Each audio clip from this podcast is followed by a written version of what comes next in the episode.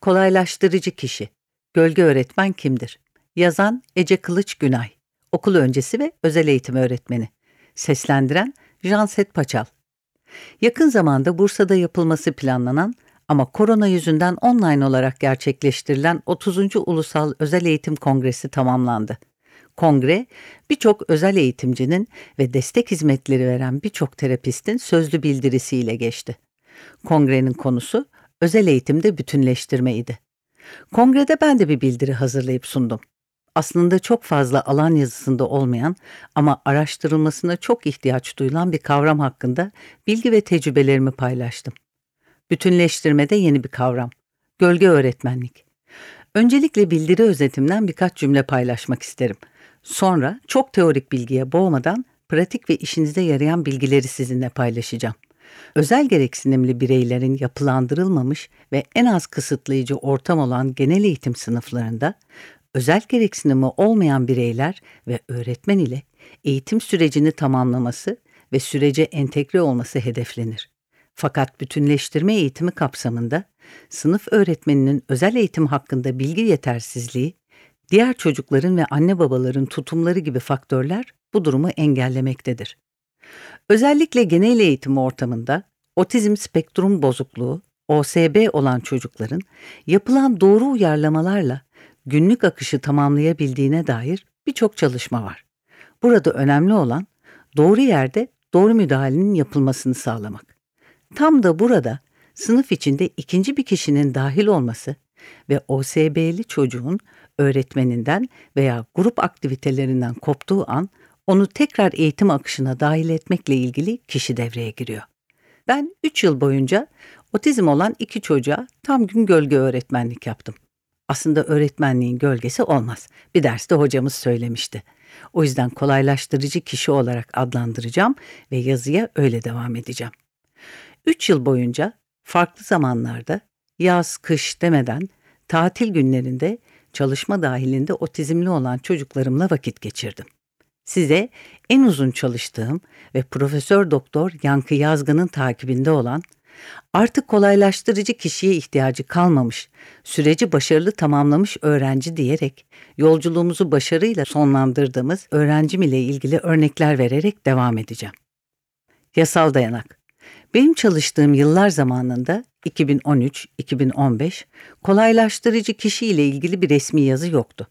Okulların ve müdürlerin inisiyatifinde bir durumdu. Özel kolejler genelde biraz daha ticari düşünerek kabul ediyordu.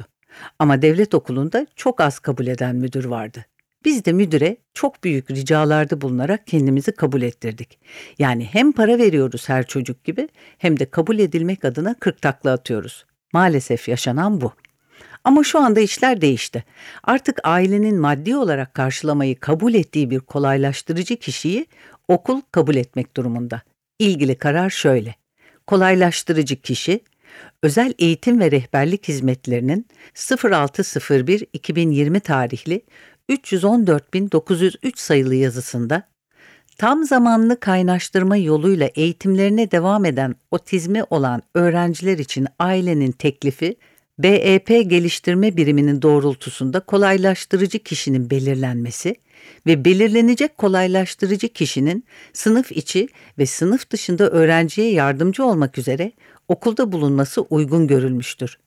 Yani artık öğrenciyi almama bahaneleri ortadan kalkmış oluyor. Kolaylaştırıcı kişiyi neye göre seçelim? Çalıştığım zaman Marmara Üniversitesi'nde 3. sınıf öğrencisiydim ve ikinci öğretimim idi. Böylece gündüzleri tam gün okulda geçirebilecek kadar zamanım oluyordu. Ve eğitim fakültesinde okuduğum için okul ortamı, sınıfı, çocuklara nasıl davranmam gerektiği ile ilgili bilgi sahibiydim. Kolaylaştırıcı kişiyi seçerken bence en büyük öncelik eğitim fakültesi çıkışlı olması veya eğitim fakültesi öğrencisi olması. Çünkü bu bölümde okuyan mezun bireyler stajlarını okullarda yaptığı için ve özel eğitim ile ilgili çalışma alanlarına girdiği için tercih önceliği verilebilir. Başka bir meslek grubu öğrenci grubu yapamaz demiyorum yanlış anlaşılmasın. Sadece gözlemlerim sonucunda daha iyi uyum sağlanacağı kanaatindeyim. Yine özel eğitimde destek eğitimlere dahil olan terapist adayları psikoloji öğrencileri, ergoterapi öğrencileri, dil konuşma terapisi öğrencileri, çocuk gelişimi öğrencileri de imkan dahilinde okurken veya mezun iken kolaylaştırıcı kişi olabilirler. Çalıştığım okullarda genelde sosyoloji, sosyal hizmetler mezunu, adalet mezunu, iki yıllık çocuk gelişimi mezunu kolaylaştırıcı kişiler ile karşılaştım. Bazı kişiler uyum sağlayamayıp bıraktı. Bazıları başarılı şekilde dönemi tamamladı. Ama yine de öncelik eğitim fakültesi öğrencileri veya mezunları olmalı diye düşünüyorum. Çocuğun kolaylaştırıcı kişiye ihtiyacı olduğuna kim karar veriyor? Bununla ilgili bir ekip kararı olması en doğru sonuç. Ama özellikle özel eğitim alan öğretmeni hem çocuğu bildiği için hem de okul içini bildiği için alan öğretmeninin verdiği kararı önemsiyorum. Mesela bazı çocuklar için gerekli olmazken okul yönetimi uyarlama yapmaktan kolaya kaçıp bir kolaylaştırıcı kişi talep ediyor aileden. Hem de ufak ayarlamalar ile çocuk sürece hemen dahil olabilecek pozisyondayken. Böyle durumlarda velilerden net olmasını ve biraz çocuğa zaman gösterilmesini, sınıf öğretmeni ile özel eğitim alan öğretmeninin muhakkak çocuk hakkında görüşme yapıp birlikte hareket etmesi gerektiğini düşünüyorum. Böylece doğru yerde yapılan uyarlama eğitimler çocuğu bağımsız olarak okuldaki günlük akışı tamamlamasına imkan vermiş oluyor. Yine bazı çocuklar için uyarlamadan çok daha fazlasına ihtiyaç olabiliyor. Örneğin oyun kurmayan, sıra almayan, davranış problemleri olan çocuklar için sadece sınıf öğretmeninin çalışmasını beklemek haksızlık olur. Sınıf öğretmeni herkese aynı şekilde eğitim sağlar. İşte burada kolaylaştırıcı kişi kesinlikle dahil olmalıdır. Kolaylaştırıcı kişinin görevi nedir? Ne zaman başlasın? Nasıl çalışsın? Bence en önemli kısımlardan biri bu kısım. Kolaylaştırıcı kişiyle çalışmaya karar verdiğiniz zaman ilk önceliğiniz çocuğu çok iyi tanıması. Bu yüzden okula başlamadan önce en az bir hafta çocuk ile vakit geçirmeli ve kolaylaştırıcı kişinin çocuğu çok iyi gözlemlemesi gerektiğine inanıyorum. Özellikle kriz anlarındaki yönetim çocuğu iyi tanımaktan geçiyor. Ne yer, ne sever, neye hassasiyeti vardır, hangi terapileri ve eğitimleri alıyor, bunların hepsine hakim olunmalı. Mümkünse aldığı tüm eğitimler ile ilgili yazılan son 6 aylık raporlar okunmalı ve çocuğun son durumunu kolaylaştırıcı kişi iyice hakim olmalı. Okul açıldığı ilk gün sadece kolaylaştırıcı kişi gidip sınıf öğretmeniyle hem tanışıp hem de sınıftaki diğer öğrencilere çocukların seviyesine uygun şekilde çocuğun var olan durumunu anlatmalıdır. Böylece çocuklara farkındalık olacak ve çocuklar inanın yardım etmek için gönüllü olacaktır. Ben ilk gün gidip sınıf öğretmenimle tanışmıştım. Benden beklentilerini sordum.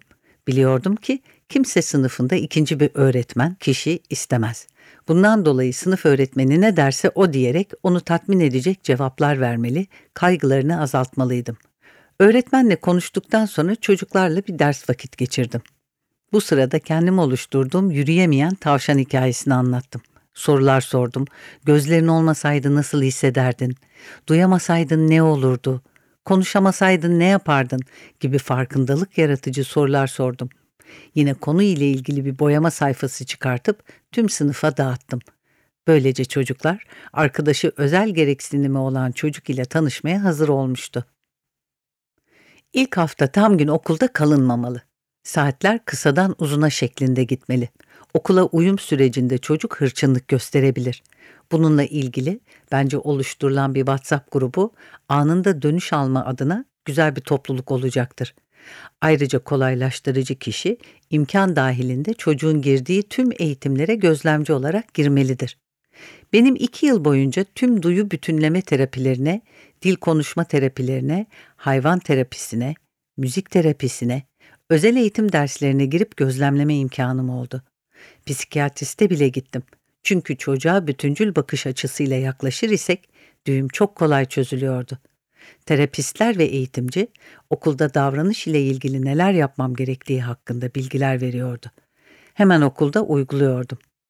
Örneğin öğrencimi iki saatte bir çalıştırmam gerektiğini söylemişti fizyoterapisti. Yine çalışmam gereken sözcük ve cümleleri çalışma kağıdı olarak veriyordu dil terapisti. Özel eğitimcisi her alanı desteklediği için birçok ödev ve etkinlik veriyordu. Ve ben bunları okulda uyguluyor, dersi izleme şansı elde ettiğim için de uygulamada yanlışlık yapma olasılığımı azaltıyordum.